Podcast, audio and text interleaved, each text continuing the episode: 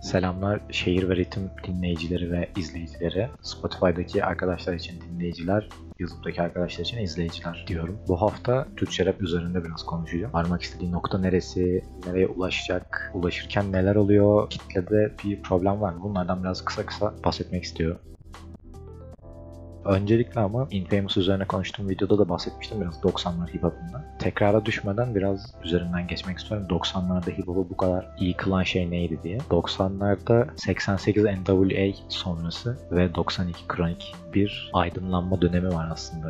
Hip hop'un en ayaklarının yere bastığı dönem 90. Çünkü toplumsal olarak Afro-Amerikan kültür dışlandığını hissediyor ki dışlanıyor zaten dışlandığını hissediyor ve şarkılarında bundan bahsediyor. Yani gangsta rap aslında bir sonuç, bir şeye sebep olmuyor. Yani 90'lardaki müthiş hip hop'a gangsta rap sebep olmuyor. 88'de NWA'nin yaptığı şey sebep olmuyor. Amerika toplumu gangsta rap'i doğuruyor ve gangsta rap daha sonraları mafyozo rap gibi türlerle, Wu-Tang'ler, Nas, Illmatic, işte Infamous gibi örneklerle yoğruluyor ve bu yoğruluşta ortak paydayı şey olarak görüyoruz bu insanlar sokaklardalar, çetecilikle iç içeler, uyuşturucu satışıyla iç içeler ve problemler yaşıyorlar. Toplumla alakalı problemler yaşıyorlar ve şarkılarını bunlara aktarıyorlar. Evet eğlendikleri parçalar da var ama eğlendikleri parçalarda da yine bu fakirlikten gelme veya fakir bir durum içerisinde olmayı görebiliyorsunuz. Kolay kolay evet zengin olma hayali var ve işte 90'ların sonundaki hip hop'a doğru da o kayıyor rapçilerin, 90'lar rapçilerinin toplumdan biraz daha ayrı bir noktada olmaya başladığını görebiliyoruz ama özellikle 90'ların ilk yarısı gerçekten halktan insanlar bir ayna aslında hip hop ve bu hem satış hem de içerik açısından çok büyük şeyler getiriyor. Çünkü her biri albümlerinde bir resim çiziyorlar ve bu resimler başarılı resimler. Fakat sonra 2000'lerde hip hop kültürü biraz daha başka bir noktaya evriliyor. Biraz daha herkese yönelmeye başlıyor yani. Afro-Amerikanların sorunu daha çok Afro-Amerikalıları ilgilendiriyor. Ve bu bir problem yaratmaya başlıyor peş peşe. Çünkü o zaman market küçülüyor ve şirketlerin politikaları daha çok şeye yöneliyor. Herkese satabilelim. O dönemki MC'lerde çok para kazanırsınız falan diye gazlıyorlar. Ee, 2000'lerdeki bu herkese ulaşmayı bugün hala görüyoruz. Sinema filmlerinde mutlaka bir tane Latin oluyor, bir tane beyaz oluyor, bir tane zenci oluyor vesaire vesaire vesaire. Böyle bir geneli yayılma var. O o zamanlar hip hop'ta da olmaya başladı. 2000'lerde modern hip hop'ta. Türkçe rap'te 95 kartel sonrası Türkçe rap'in 90'lar dönemi aslında çok kısa sürüyor. Çünkü kartel sosyolojik olarak bir şeyler barındıran bir albüm. Almancıların çektiği sorunları içerisinde barındırıyor. Fakat kesinlikle oradan sonra gelen şarkılar, e, albümler özür dilerim. Albümler bir toplumsal sorunu yansıtmakta çok başarısızlar. Evet işte Sabah Bastı Geceyi, Vasiyet gibi parçalar var ama bunlar albüme oranla birer parça, iki parça. İşte Kalbim Krizin Bekçisi olmuş vesaire gibi parçalar. Bir parça, iki parça. Sosyolojik problemlerden bahsediyor. Yani toplumdaki bir problemin ulaşım, mülteci sorunu gibi problemlerin hip bir denkliği kalmıyor. Ses çıkarma ve feleğin çemberine 40 kurşun şu an aklıma gelen örnekler. Bunlar protest parçalar ama toplumun bir problemini aktarmıyorlar. Daha çok siyasi güdümlü şarkılar. Ve bu Türkçe rap ile dinleyici kitlesi arasında bir bariyer çekiyor. Bu bariyeri biz daha sonra bir yeraltı oluşma olarak görüyoruz. Çünkü kültür biraz daha arka tarafa gidiyor. Satamadığından dolayı. Satamıyor çünkü bir ayna durumu yok burada. Hip hop, Türk hip hop'u hiçbir kitleyle aynı yolda değil. Veya hiçbir kitleyi kendine ait hissettiremiyor. Bu bir problem yaratmaya başlıyor. Ta ki günümüzde bu Müptezel sonrası, Ezel'in Müptezel albümünden sonraya kadar kendine bir şey bulamıyor, yol bulamıyor. O dönem uğraşmıyor aslında. Çünkü o dönem 2004 civarı başlayan yeni dönemde Türkçe rap şu eksene geliyor. Rap şarkıları kimin nasıl ve ne kadar rapi çok sevdiğiyle alakalı sözlerle dolup taşıyorlar ve bu kültürü çok başarısız bir hale getiriyor. Gittikçe daha da kendi içine kapanan bir grup olarak daha da uzaklaşıyorlar mainstream'den ve satılabilmekten, seslerini duyurmaktan. Tabi bunun bir başka açısı da şu aslında rapçiler yani 2004 sonrası rap'e başlayan, şarkılarını duyurmaya başlayan insanlar çok sıradan insanlar. 90'lardaki Amerika örneği gibi. Aslında toplumlar birçok şeyi reflekte edebilirler. Fakat kendi yaşlarının da küçük olması gibi etkenlerle kesinlikle şey yaratamıyorlar. Doğru durumu bulamıyorlar ki çok normal bu aslında. Fakat o dönem diğer isimlerin yaptığı daha çok mainstream olarak bildiğimiz isimler Türkçe raporuna. Onlar da buna uğraşmıyorlar açıkçası ve ortaya çıkan ürün gittikçe daha da bitiyor. Ta ki işte dediğim gibi Müptezel'e gelene kadar. Müptezel her ne kadar mainstream, pop'a yatkın bir albüm olarak görülmesine rağmen çok akıllıca bulunan bir yöntemi var. Ne bu yöntem?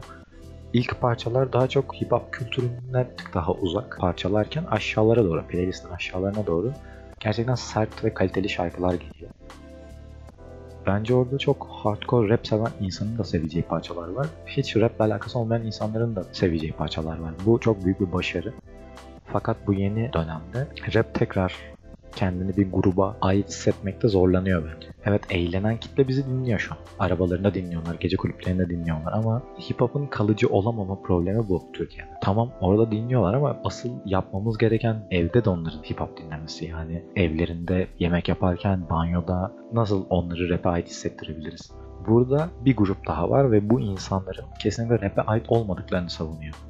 Bunlar mazur görün ama rap faşisti insanlar. Korkunç bir ilmatik savunuculuğu, bilmem ne albümünü çok sahiplenmek ve işte şu albümü dinlemediyseniz rap dinlemeyin bir anlayış ve bu anlayış baştan çok korkunç bir durum yaratıyor. Ne bu durum? Biz bu yeni gelen insanları bu kültürün içine çekemiyoruz. Onlara aslında şey de diyebiliriz yani abi gelin bunları da bir dinleyin. Belki seversiniz yani. O kadar katı olmamıza gerek yok kültür olarak. Bunları yaparsak kültürün bir sonraki aşamaya geçebileceğini, kalıcı bir kültür haline gelebileceğini düşünüyorum. Bu kalıcılaşmaya Vaporwave örneğini verebilirim yani. Vaporwave bir müzik türü ve sanat akımımsı bir durum. Biraz karışık az. Teknik olarak 80'lerin disco müziğinin yavaşlatılmış hali ve pembe, mor, turkuaz gibi renkler kullanıyorlar. Neon ışıklar vesaireler. Aslında internetin biraz alt taraflarında başlamış. Böyle çok az kişiye hitap eden bir olay. Çıkan bir bilgisayar oyununda bu şarkılar kullanılıyor. Hotline Miami isimli ve sonrasında patlıyor 2012'de patlıyor yani. Ardından filmlere giriyor. Driver olması lazım. Ryan Gosling'in oynadığı bir film. Tamamıyla kendini hipster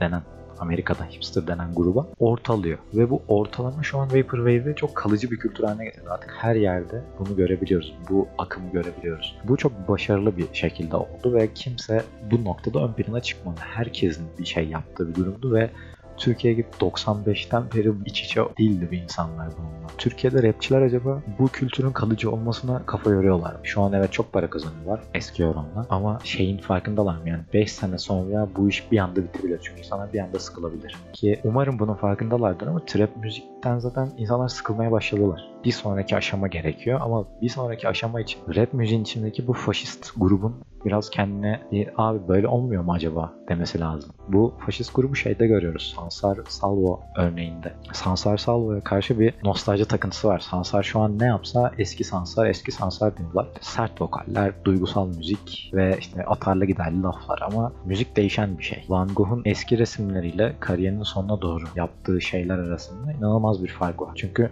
kendisi arıyor. Yani kendisi bir şey arıyor. Belki yaptığı eski işleri de beğeniyor ama sürekli yeni bir şey arıyor. Çünkü aktif kalmak böyle bir şey. Bir şey sürekli yapıp yeni yeni garip garip şeyler denemeden bir şeyler olmuyor. Fakat bu yeni yeni denemelere sürekli olmamış, olmuyor bozdu demenin hiçbirimize bir faydası yok. Evet dünyayı pembe gözlük takıp görelim her şey toz pembe olsun demiyor. Kültürün baştan sona hataları var. Eğer biz kendimizde de bazı şeyleri düzeltmezsek uzun vadede tekrar bu kültür gözlerden düşecek. Bu Türkiye'de çok fazla sefer oldu. İşte Kartel, Kartel sonrası Karakan'ın çok başarısız bir albüm yapması ve o dönem hani piyasanın küçülerek bitmesi, daha sonra Ceza ve Sagopa'nın ortaya çıkması, daha sonrasında tekrar bir düşüş. Ardından 2010'lu yıllarda tekrar bir kıpırdanma ve Müptezel'le zirve zirve noktasına ulaşması belki kartel dönemi kadar şu an popüler rap. Ama her seferinde böyle mi olması lazım ve bu sefer gerçekten büyük yatırımlar yaptı insanlar. Rapçilerin kendileri de büyük yatırımlar yaptı. Dışarıdan gelen yatırımcılardan bahsetmiyorum yani. Rapçilerin kendisi çok fazla yatırım yaptı. Ve acaba rapçiler şey düşünüyor mu ya biz bu kadar yatırım yaptık ama bunu kalıcı hale getirmeliyiz. Buna kafa yoruyorlar mı bilmiyorum. Açıkçası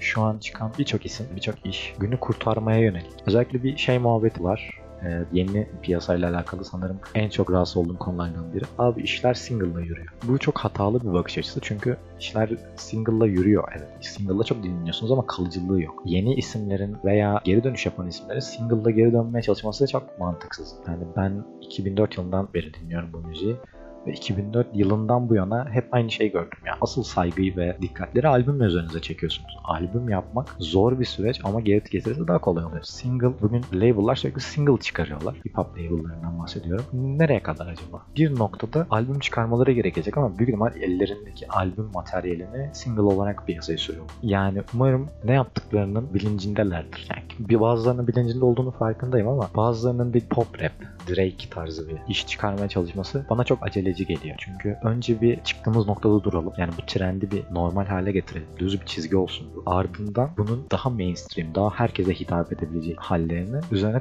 hep beraber kafa yoralım. Yani Neciz de kafa yoralım. Liseli bir arkadaştan örnek vereyim. Cansu da rap dinlesin istiyorum. Keşke onun da dinleyebileceği rap parçaları olsa. Bu da böyle Demet Akalın falan dinliyor. Diyen arkadaş da buna kafa yorsun. Ama bir yandan işte Esenyurt'ta acı çeken çocuk da raple ilgili kafa yorsun. Desin ki ya bu beni de anlar. Bundan 5 sene önce sanırım hayal bir durumdu ama şu an imkanlar dahilinde böyle bir imkanımız var. Bunu yapabiliriz. Peki bunu yapmak için neyi bekliyoruz? Rapçilerin para kazanmasını değil herhalde yani. Rap, anladığım kadarıyla şu an herkesin keyfi yerinde. Ve old school rapçilerin de hepsinin geri döndüğünü fark ediyorum ve demek ki bir şey oluyor. E tamam ama şu an hani bunu commercial hale, herkese yönelik hale getirmek biraz erken değil mi? Yani bunu kalıcı hale getirmemiz geri kalan 3 kazada, 3 tane yol kazası oldu şu ana kadar. Bu 3 yol kazasında hiç mi dersler çıkarılmadı acaba? O kadar mı gözümüz kapalı bu durumu? Merak ediyorum açıkçası. Yani özellikle hani bunu dinleyen insanlardan da bu konuyla alakalı yorum bekliyorum. Twitter'da Cenk Durlu diye geçiyorum veya YouTube YouTube'da bu videonun altına yorum bırakırsanız gerçekten okuyup